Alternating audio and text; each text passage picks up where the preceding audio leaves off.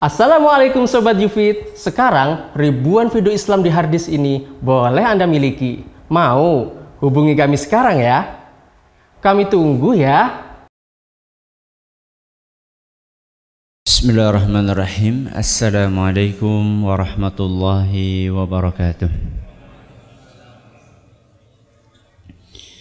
Alhamdulillahi rabbil alamin.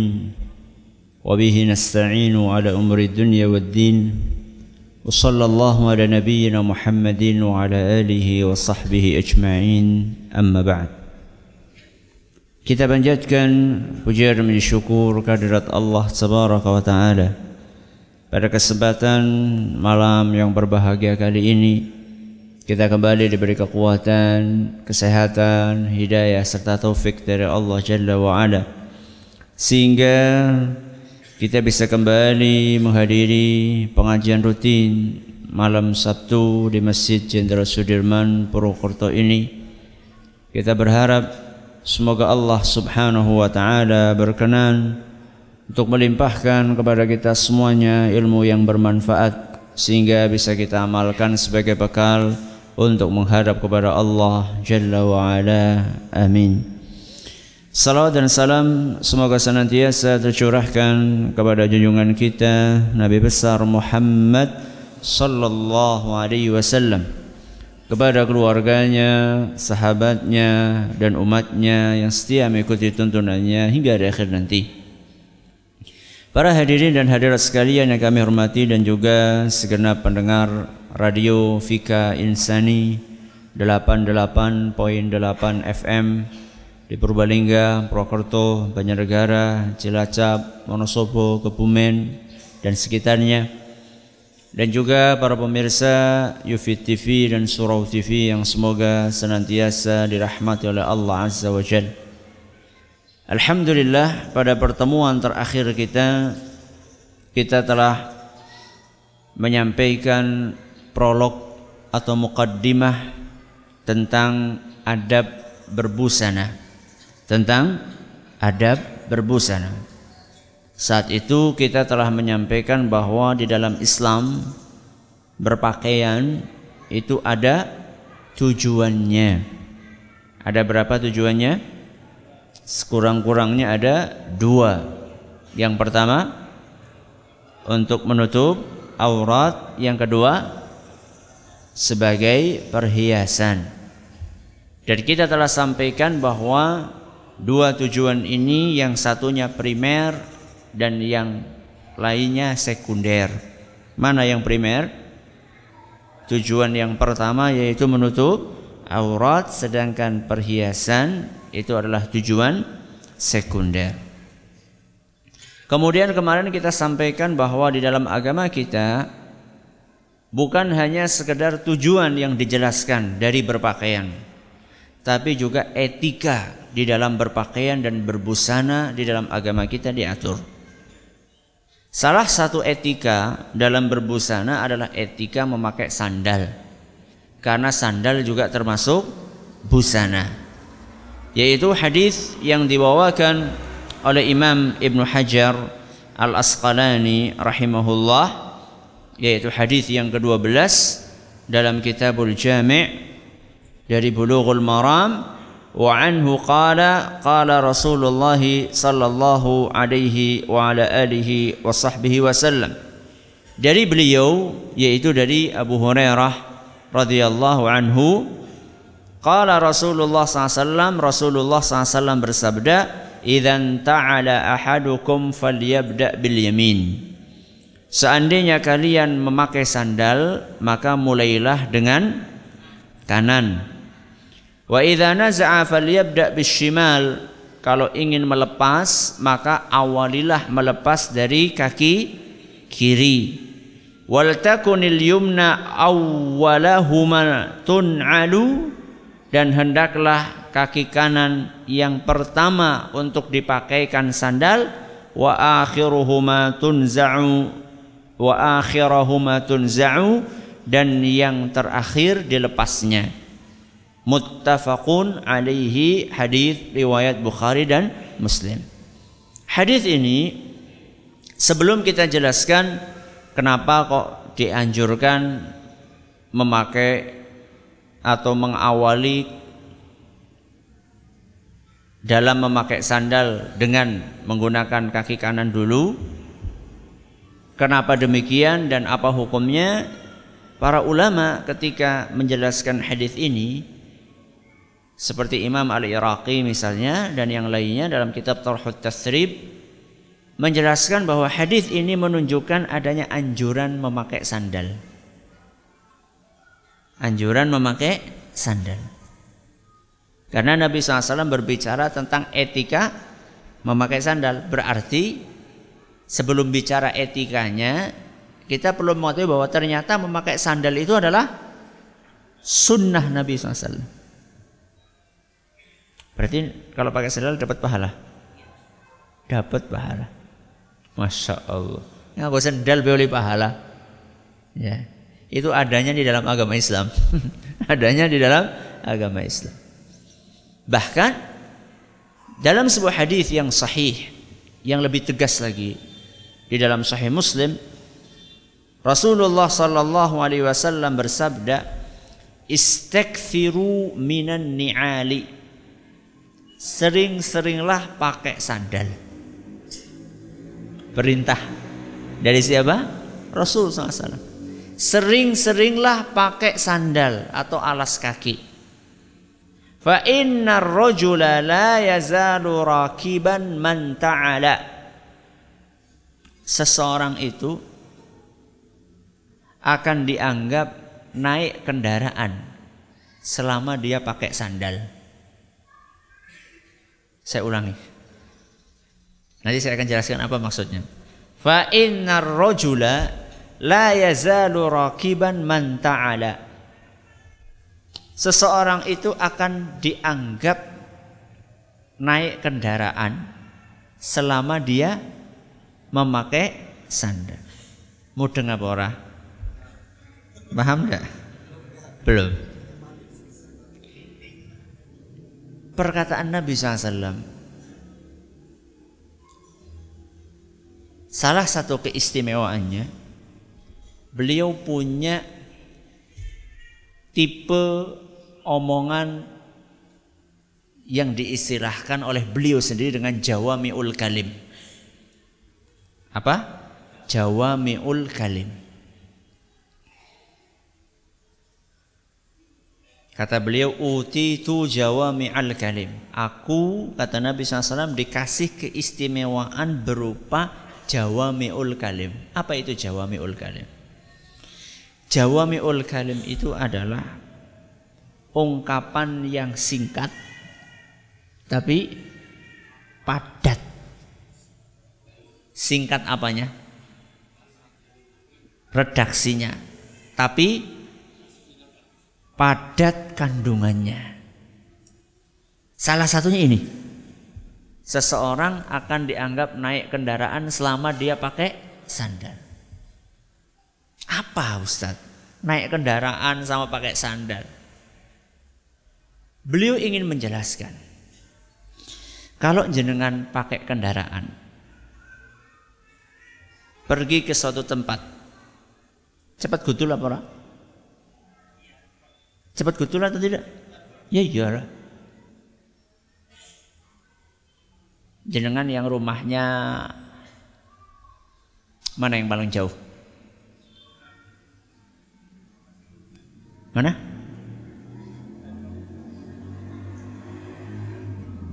apa? Pondok. Pondok mana? Daerah yang paling jauh dari sini yang hadir paling jauh dari sini mana? Banjarnegara. Ada yang lebih jauh dari Banjar? Jakarta. ya pas lagi ngene. Banjarnegara. Banyak negara kalau pakai kendaraan ke sini dengan jalan cepat mana? Jelas naik kendaraan lah. Nabi SAW ingin menganalogikan bahwa orang pakai sandal itu kayak naik kendaraan.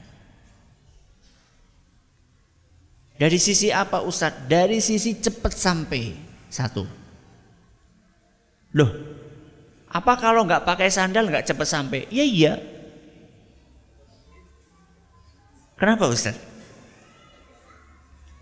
Dia kemungkinan kecocok ri. Betul? Betul. Naik kecocok ri mandek apa melaku terus? Nah, berhenti kan? Bukan hanya itu. Kalau siang-siang panas. Apa naik panas pelaku baik apa ngiup desit? Nah, satu Orang pakai sandal seperti orang naik kendaraan karena satu cepat sampai. Dua Orang naik kendaraan lebih nyaman atau orang jalan? Lebih nyaman naik kendaraan, sama. Orang pakai sandal dengan tidak pakai sandal nyaman pakai sandal. Jadi Nabi Shallallahu Alaihi Wasallam ingin menjelaskan kepada kita bahwa memakai sandal itu menguntungkan dan kita akan lebih konsisten untuk berjalan ketika memakai sandal dibandingkan nyeker. Maka Nabi Shallallahu Alaihi Wasallam mengumpamakan orang yang pakai sandal seperti orang yang naik kendaraan, orang yang pakai sandal walaupun berjalan kaki kata Nabi SAW itu mirip orang yang naik kendaraan. Dan ini mengajarkan kepada kita untuk gampang bersyukur. Untuk gampang apa? Syukur. Kok mending numpak motornya kan pelaku ya alhamdulillah walaupun pelaku tapi orang nyeker. Coba lihat yang melaku dan nyeker. Masih ada? Masih ada orang? Masih. Ya. Untuk beli sandal aja nggak bisa. Masya Allah. Ya untuk beli sandal, beli sandal, jepit. Saja ada sebagian orang yang nggak bisa. Bahkan menganggap sandal itu salah satu barang mewah. Sedangkan kita Masya Allah. Di dalam rumah kita itu satu orang bisa punya sandal lebih dari satu ada yang dua ada yang tiga ya. kadang-kadang urung bodol wis Wis ganti. Betul atau tidak? Betul. Maka Nabi SAW di sini mengumpamakan orang pakai sandal seperti orang naik kendaraan. Berarti kita dianjurkan pakai sandal. Iya. Tapi ada apanya? Ada tapi. Jangan berlebihan. Jangan apa? Berlebihan. Apa kira-kira maksudnya berlebihan? Maksudnya tuku sandal sing terlalu mahal. Sandal satu sewu terlalu mahal apa orang? Ya relatif. apa? Relatif. Bagi orang yang penghasilannya satu hari 30 ribu, mahal atau tidak? Mahal. Bagi orang yang penghasilannya sehari 500 ribu, mahal atau tidak? Ya tidak. Relatif. Tapi ada sebagian orang itu terlalu berlebihan. Nyari sandal nyari sandal aja harus yang limited edition yang hanya diproduksi tiga se-Indonesia. Jadi bangga banget gue sendalnya branded. Branded pun limited edition. Ini ingkang sepuh-sepuh niki mangertosin buatan limited edition. limited edition itu apa namanya? Diproduksi terbatas edisi terbatas. Jadi gue khusus wong Indonesia gue kur gawe telu. Gowong se Indonesia. Jadi nek tuku sandal sing kayak gue rasane wah nyong kur nyong tok ya karo wong kae kae wong telu tok. Jadi ada sebagian orang tuh malu kalau berjalan kok. Loh jadi sandalnya pada. Malu dia. Pengennya yang selalu beda. Jangan berlebihan. Walaupun hadis tadi menganjurkan kita untuk memakai sandal akan tetapi tidak boleh berlebihan. Rasulullah Shallallahu Alaihi Wasallam bersabda dalam sebuah hadis yang diriwayatkan oleh Imam Al Hakim dan isnad hadis ini dinyatakan sahih oleh beliau. Rasulullah SAW bersabda, "Kulu washrabu watasaddaqu." Makanlah kalian, minumlah kalian, bersedekahlah kalian. Di dalam riwayat yang lain bunyinya walbasu dan berbusanalah kalian fi ghairi sarofin tanpa berlebih-lebihan wala makhilatin dan tanpa kesombongan jadi makan silakan, minum silakan, berbusana silakan, tapi jangan berlebihan.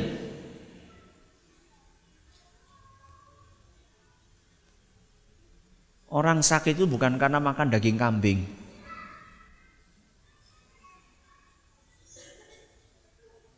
Karena berlebihan makan daging kambing. Daging kambing kok jadi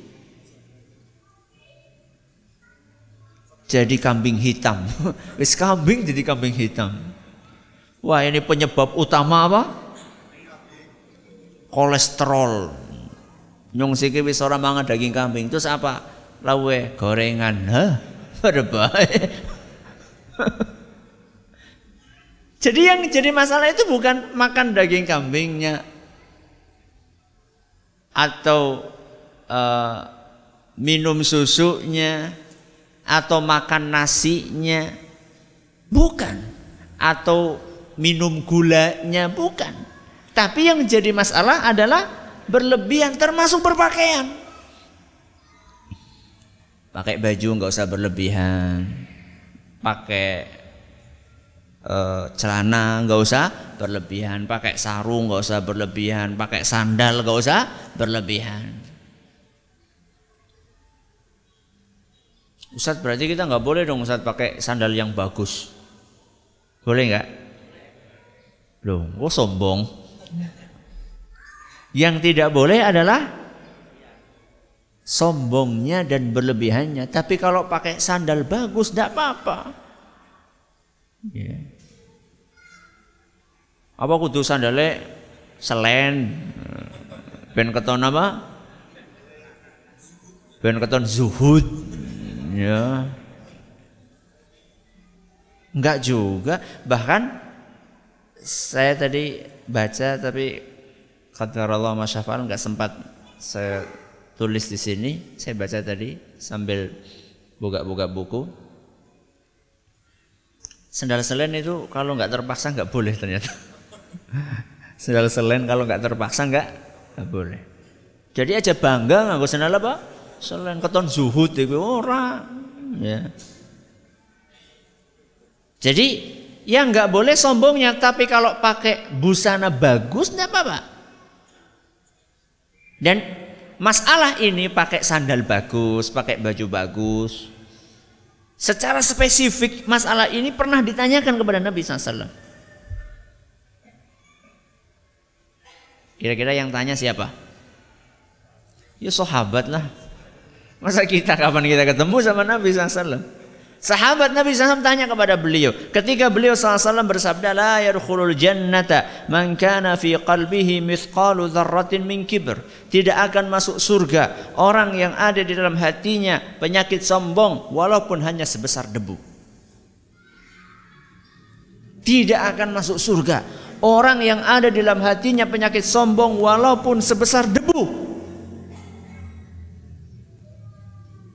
Ini kan warning, peringatan buat kita semua.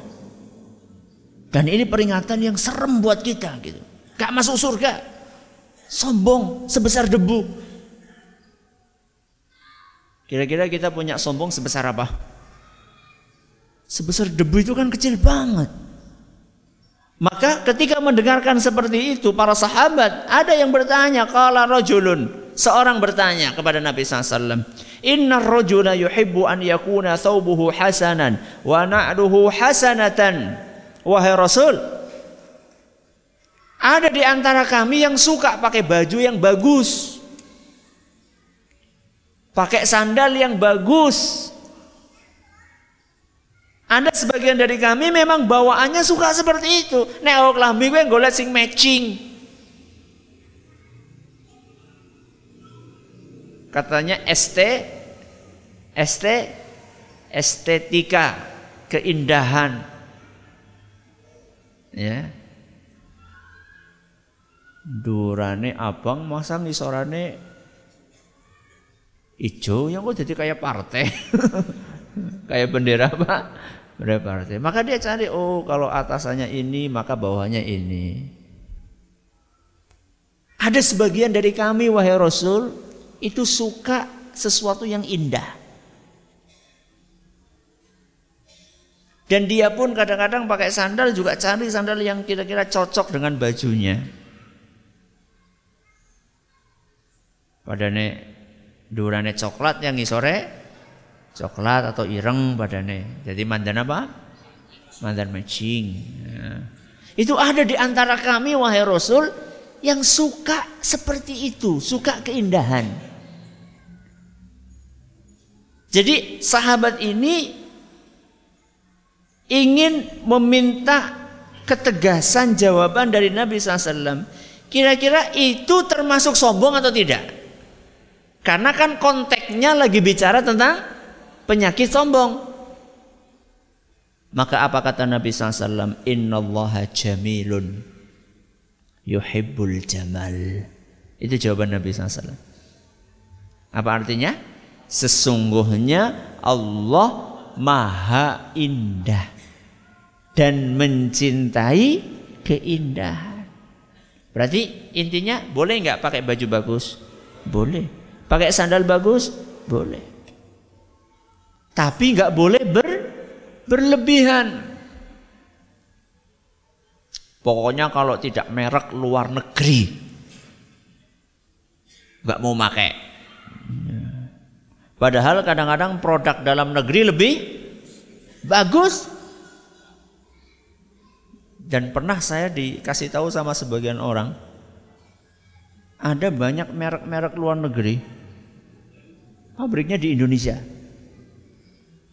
Apa? Pabriknya di Indonesia. Kemudian dikirim ke mana? Luar negeri, terus diwai merek. Terus dikirim maning ke Indonesia. Sing larang apa nek? Bolak balik ke gue lo. Gawe nang kene kirim mana? Kang kana balik kene maning. Kuwi sing kan larang. Iya. Dia bangga made in Kalau busana yang terkenal mana toh? Paris. Paris. Made in Paris. Padahal jane anu Tangerang. Tapi kan manjan kepri made in Tangerang itu kan ora ya. Ini pelajaran yang pertama. Jadi dianjurkan memakai san sandal tapi tidak berlebihan. Kalau nggak pakai sandal gimana? Tidak apa-apa. Kenapa Ustaz? Karena Rasulullah SAW kadang pakai sandal, kadang ti tidak.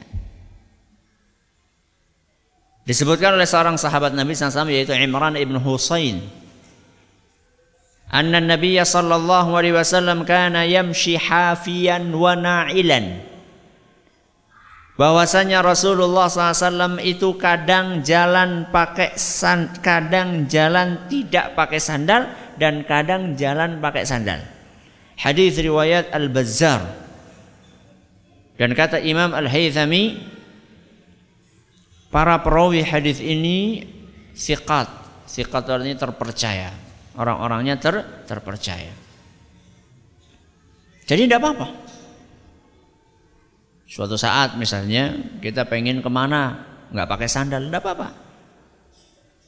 Tapi ya lihat situasi dan kondisi. Lihat situasi dan kondisi. Nemoni tamu pejabat pada nih nyeker. Tuh ya tahu inilah ya, tahu apa? Tahu situasi dan dan kondisi. Bahkan ada saatnya kita pakai sepatu, Ya, ada saatnya kita pakai sandal. Jadi kita harus tahu. Ya. Harus tahu juga yang namanya memposisikan orang sesuai dengan kedudukannya.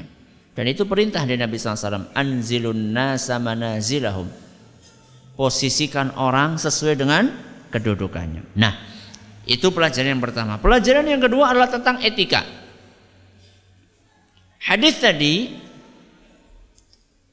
memerintahkan kepada kita supaya kalau pakai sandal mulai pakai tangan eh, mulai dengan kaki kanan.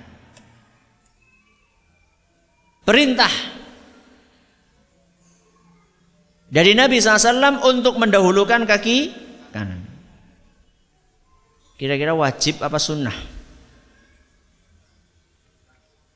Perintah dari Nabi. Wajib apa sunnah? Wajib. Berarti nek nganggo kiwe disit dosa. Ya. Itu resikonya. Jangan mengatakan wajib berarti kalau dilanggar dosa. Wajib apa sunnah? Nah, kan berubah maning.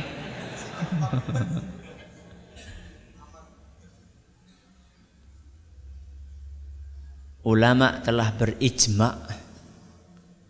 Ulama telah berijma apa ijma? Bersepakat. Ijma itu dinukil oleh Imam Al-Qadhi dan yang lainnya. Bahwa anjuran, perintah untuk memakai sandal dengan diawali kaki kanan itu sifatnya anjuran. Nah anjuran berarti apa? Sunnah. Alhamdulillah. Alhamdulillah apa nek? Berarti besok kaki kiri dulu? Enggak. Ya. Jadi ketika kita tahu bahwa mendahulukan kaki kanan saat memakai sandal itu hukumnya sunnah, itu bukan kemudian kesimpulannya oh kalau kayak gitu besok saya tak kaki kiri saja, bukan. Justru ketika kita tahu itu adalah sunnah, maka rugi kalau misalnya kita tinggalkan. Jadi bukan kok mentang-mentang, oh sunnah, berarti tinggalkan saja. Gitu. Bukan seperti itu. Sunnah itu artinya mari berlomba-lomba untuk kita praktekkan. Kenapa? Berpahala. Coba sekarang, kalau jenengan praktekkan ini, setiap pakai sandal kanan, setiap pakai sandal kanan, saya tanya, jenengan itu pakai sandal dalam sehari berapa kali? Berkali-kali, Bang. Begitu kita keluar, bahkan ada sebagian orang di dalam rumah pun pakai sandal. Begitu kita bangun tidur, kemudian kita turun dari mana? Turun dari dipan, dari kasur. Kita nyari apa? sandal. Kita awali tangan kanan, pahala. Masuk ke mana?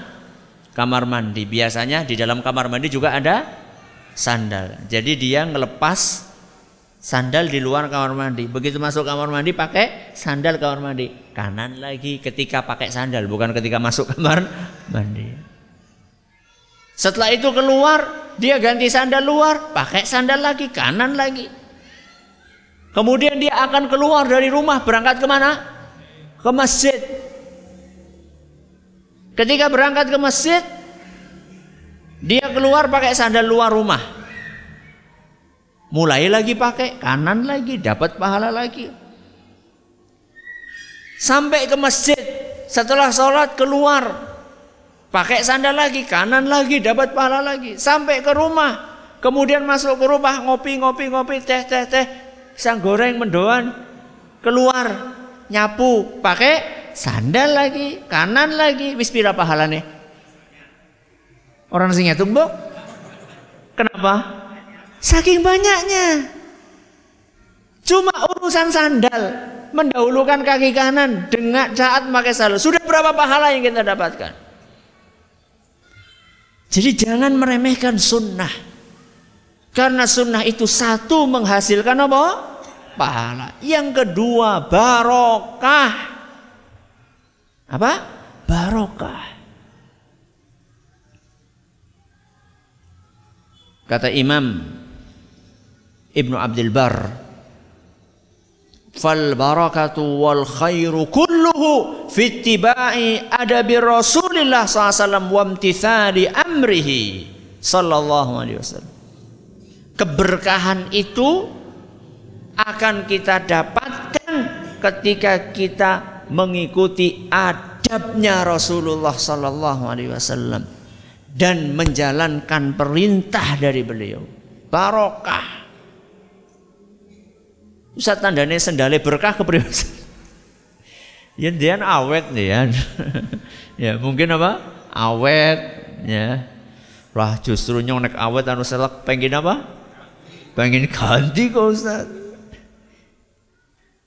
Subhanallah, saya itu punya guru ya, punya guru di Madinah, salah satu ulama senior Madinah, Syekh Abdul Muhsin Al-Abbad, hafizahullah taala. Mungkin usianya sekarang di atas 80. Salah satu pakar hadis, ya, salah satu ahli hadis. Ulama tersenior, salah satu ulama tersenior di Madinah. Itu kadang-kadang saya malu kalau ngelihat beliau itu. Sandalnya wis tipis banget jadi beliau itu kalau beli sandal itu beli sandal sing kuat banget. Sandal nek carane dewek nang kene ya. Saya tidak tidak tidak contohkan uh, saya tidak katakan bahwa beliau pakai sandal yang akan saya sebutkan sekarang. Kalau kita contohkan di sini sandal ban. Ban apa? Bandol. Gue kan kuat banget, Bu. Kuat banget. Bukan bandol yang yang cuma bawahnya tok, bandol yang bandol temenan itu. Mulai dari ininya terus apanya? Talinya sampai bawahnya. Gue kan kuat banget bisa tahunan gue. Ya. Kira-kira sandalnya itu model-model sandal seperti itu. Murah tapi kuat. Murah tapi kuat. Kadang, sampai tipis. Ya Allah saya lihatnya Masya Allah. Dia muridnya gontak ganti sandal. Ya. Mungkin itu pertanda berkah, mungkin ya, pertanda apa? Berkah. Mungkin juga pertanda berkah orang cepat hilang. Ya, mungkin ya, mungkin. Saya tidak katakan nek sandal hilang berarti orang barokah. Saya tidak katakan seperti itu. Cuman mungkin salah satu tanda berkahnya adalah alhamdulillah sandalnya awet. Orang gampang apa? Hilang. Ya. Dan mungkin juga tanda berkahnya adalah sandal itu dipakai menuju tempat-tempat yang berpahala. Contoh masjid. Contoh maning pengajian, majelis taklim. Contoh maning rahim. Contoh maning go pahal. Go pahal, pahala ora?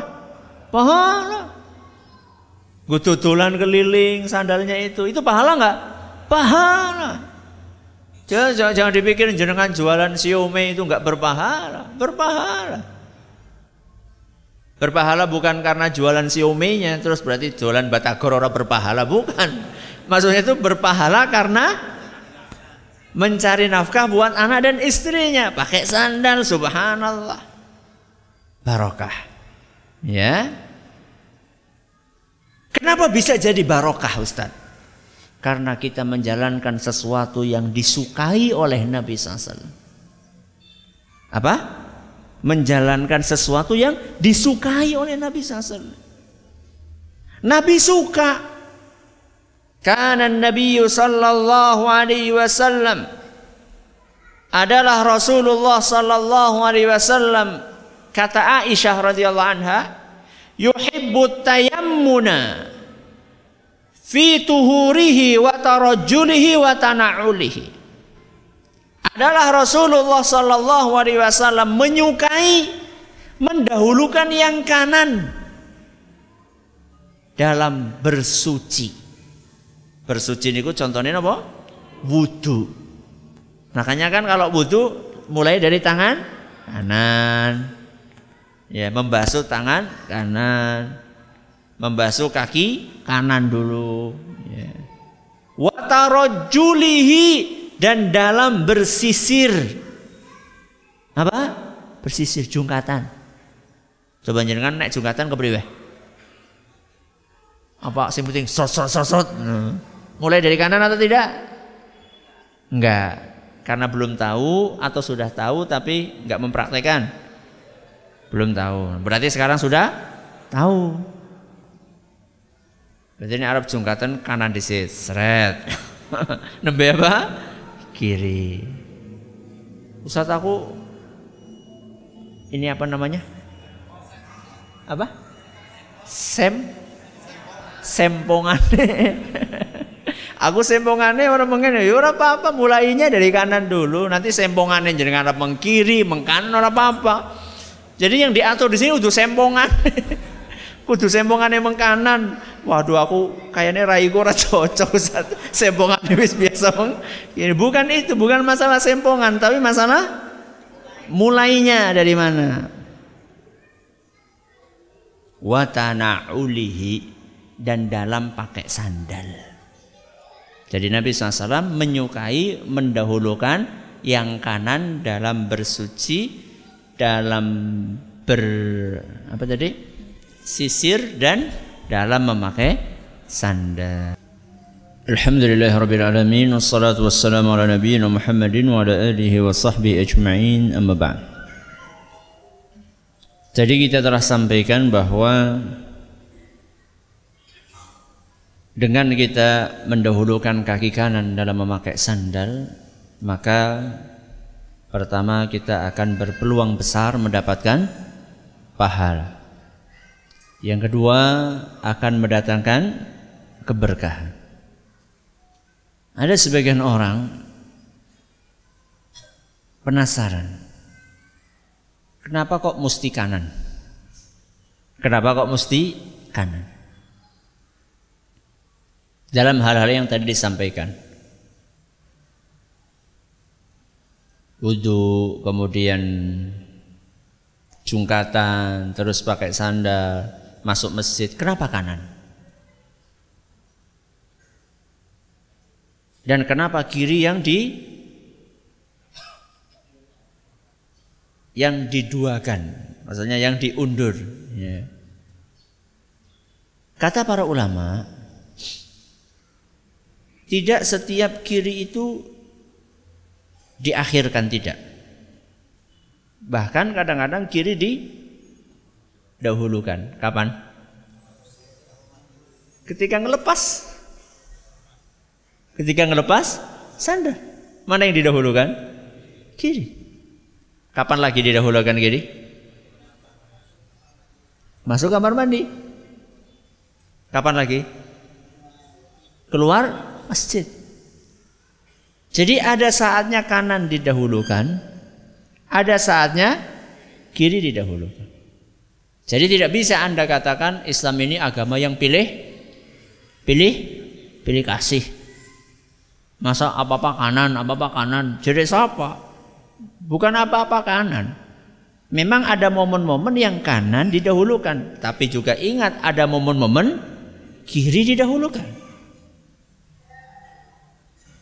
Lah kenapa Ustadz kok pas lagi sandal pakai kok sandal kanannya dulu yang didahulukan?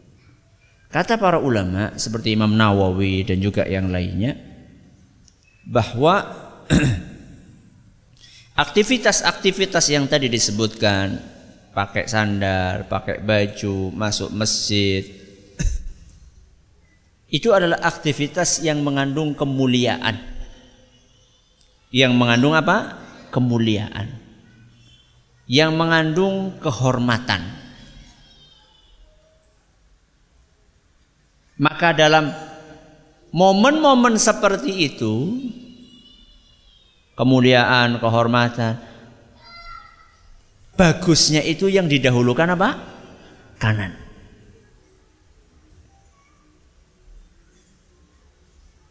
Masuk masjid kemuliaan atau bukan? Kemuliaan. Ya. Pakai sandal kemuliaan, penghormatan buat apa? Buat kaki. Makanya kanan dulu yang didahulukan. Pakai baju juga sama. Pakai celana juga sama. Coba kira-kira jangan ada orang nggak pakai celana sama celana, sama pakai celana mana yang yang lebih mulia, yang lebih dihormati yang pakai celana tentu. Makanya dalam hal-hal yang sifatnya mengandung unsur kemuliaan, kehormatan, didahulukan yang kanan.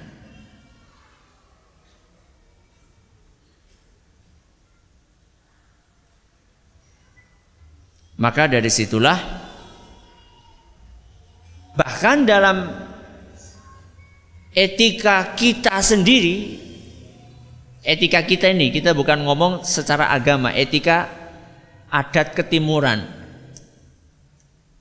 Itu pun mengenal toh yang namanya etika menggunakan tangan kanan. Contoh misalnya seorang guru.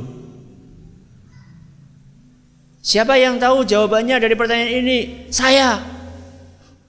Pakai apa? Tangan kiri. Ditegur enggak? Ditegur. Kamu itu loh, enggak sopan. Ya. Berarti kan bicara masalah sopan santun. Ya. Sebelum kita bicara agama, di dalam etika kita masyarakat Jawa yang tahu unggah ungguh atau masyarakat Indonesia secara ketimuran uh, secara keseluruhan adat ketimuran secara umum itu mereka mengenal itu. Termasuk ketika dikasih sesuatu terus kita pakai tangan kiri. Apa kata orang tua kita? Saru. Betul? Ya.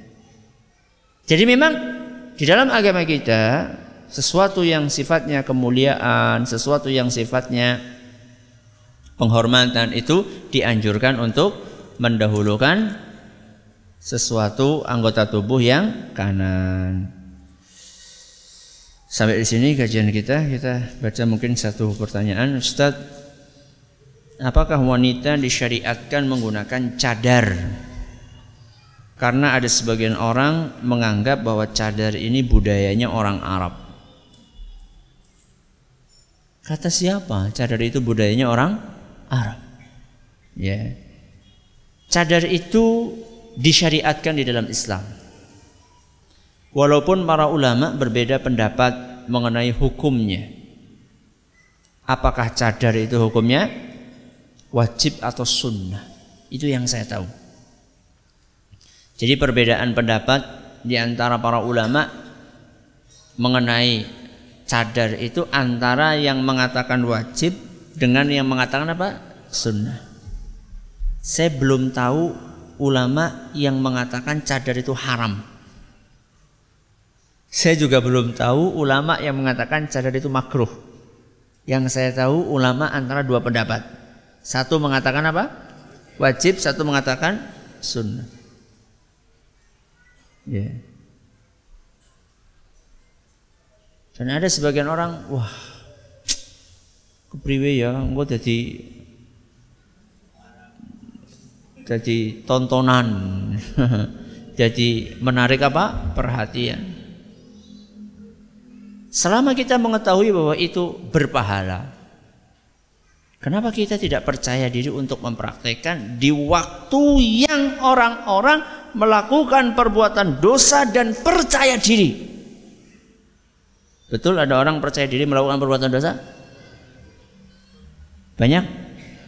Banyak. Ki wong wadon sing katok ke di atas lutut. Pede nggak dia jalan ke mall? Pede. Itu kira-kira dosa atau tidak? Dosa BPD. Masa kita beribadah tidak pede? Ya. Cuman memang eh, di sebagian komunitas memang masih apa ya? Masih sangat asing. Ya, masih sangat asing. Cuman alhamdulillah belakangan ini itu tidak seperti dulu. Kalau dulu jangankan cadar, pakai kerudung saja. Itu bisa sampai dipanggil ke mana? Ke penilik sekolah. Itu dialami oleh ibu saya sendiri. Guru, ya guru SD, pakai kerudung. Itu tahun saya masih masih SD lah. Ya mungkin tahun 80 sekian. Dipanggil ke penilik. Ibu, tolong berbusananya yang umum-umum aja. maksudnya apa? Orang kudungan maksudnya. Ya. Padahal saat itu ibu saya itu kudungannya kudungan, utuh jilbaban, kudungan, tahu kudungan? Kain diberukakan terus, nah, kayak gitu ya. Berarti kan lehernya masih kelihatan. Itu saja pada tahun itu ditegur. Coba saya tanya sama jenengan sekarang, guru-guru, guru-guru, rata-rata apa? Jilbaban betul? Jilbaban. Bahkan kadang-kadang kalau ada orang nggak pakai jilbab, Arab salam gue ragu-ragu. Kisi anu agamanya apa? Iya kan? Iya. Maka sebenarnya kita di zaman kita ini di zaman ini dengan segala carut marutnya itu sebenarnya masya Allah dalam hal ini itu lebih maju daripada pada tahun itu. Sekarang yang namanya jilbab besar itu sudah biasa. Dan insya Allah ya, akan datang suatu masa cadar biasa. Insya Allah. Ya. Karena kita ngelihat perkembangannya coba. Dulu kudung aneh. Sekarang kudung sudah rata-rata pakai bukan hanya kudung malah pakai jilbab walaupun mungkin jilbabnya masih apa? Masih gaul. Sekarang sudah mulai jilbab besar, udah mulai terbiasa. Lama-lama biiznillah dengan izin Allah Subhanahu wa taala akan terbiasa insya Allah pakaian yang lebih menutup aurat. Wallahu taala a'la wa alam. Jadi tidak benar kalau cadar itu budaya Arab. Itu adalah ajaran Islam. Subhanakallahumma bihamdika asyhadu an la ilaha illa anta astaghfiruka wa atubu. Subhanakallahumma bihamdik. Terima kasih atas perhatian, mohon segala kurangnya. Assalamualaikum warahmatullahi wabarakatuh.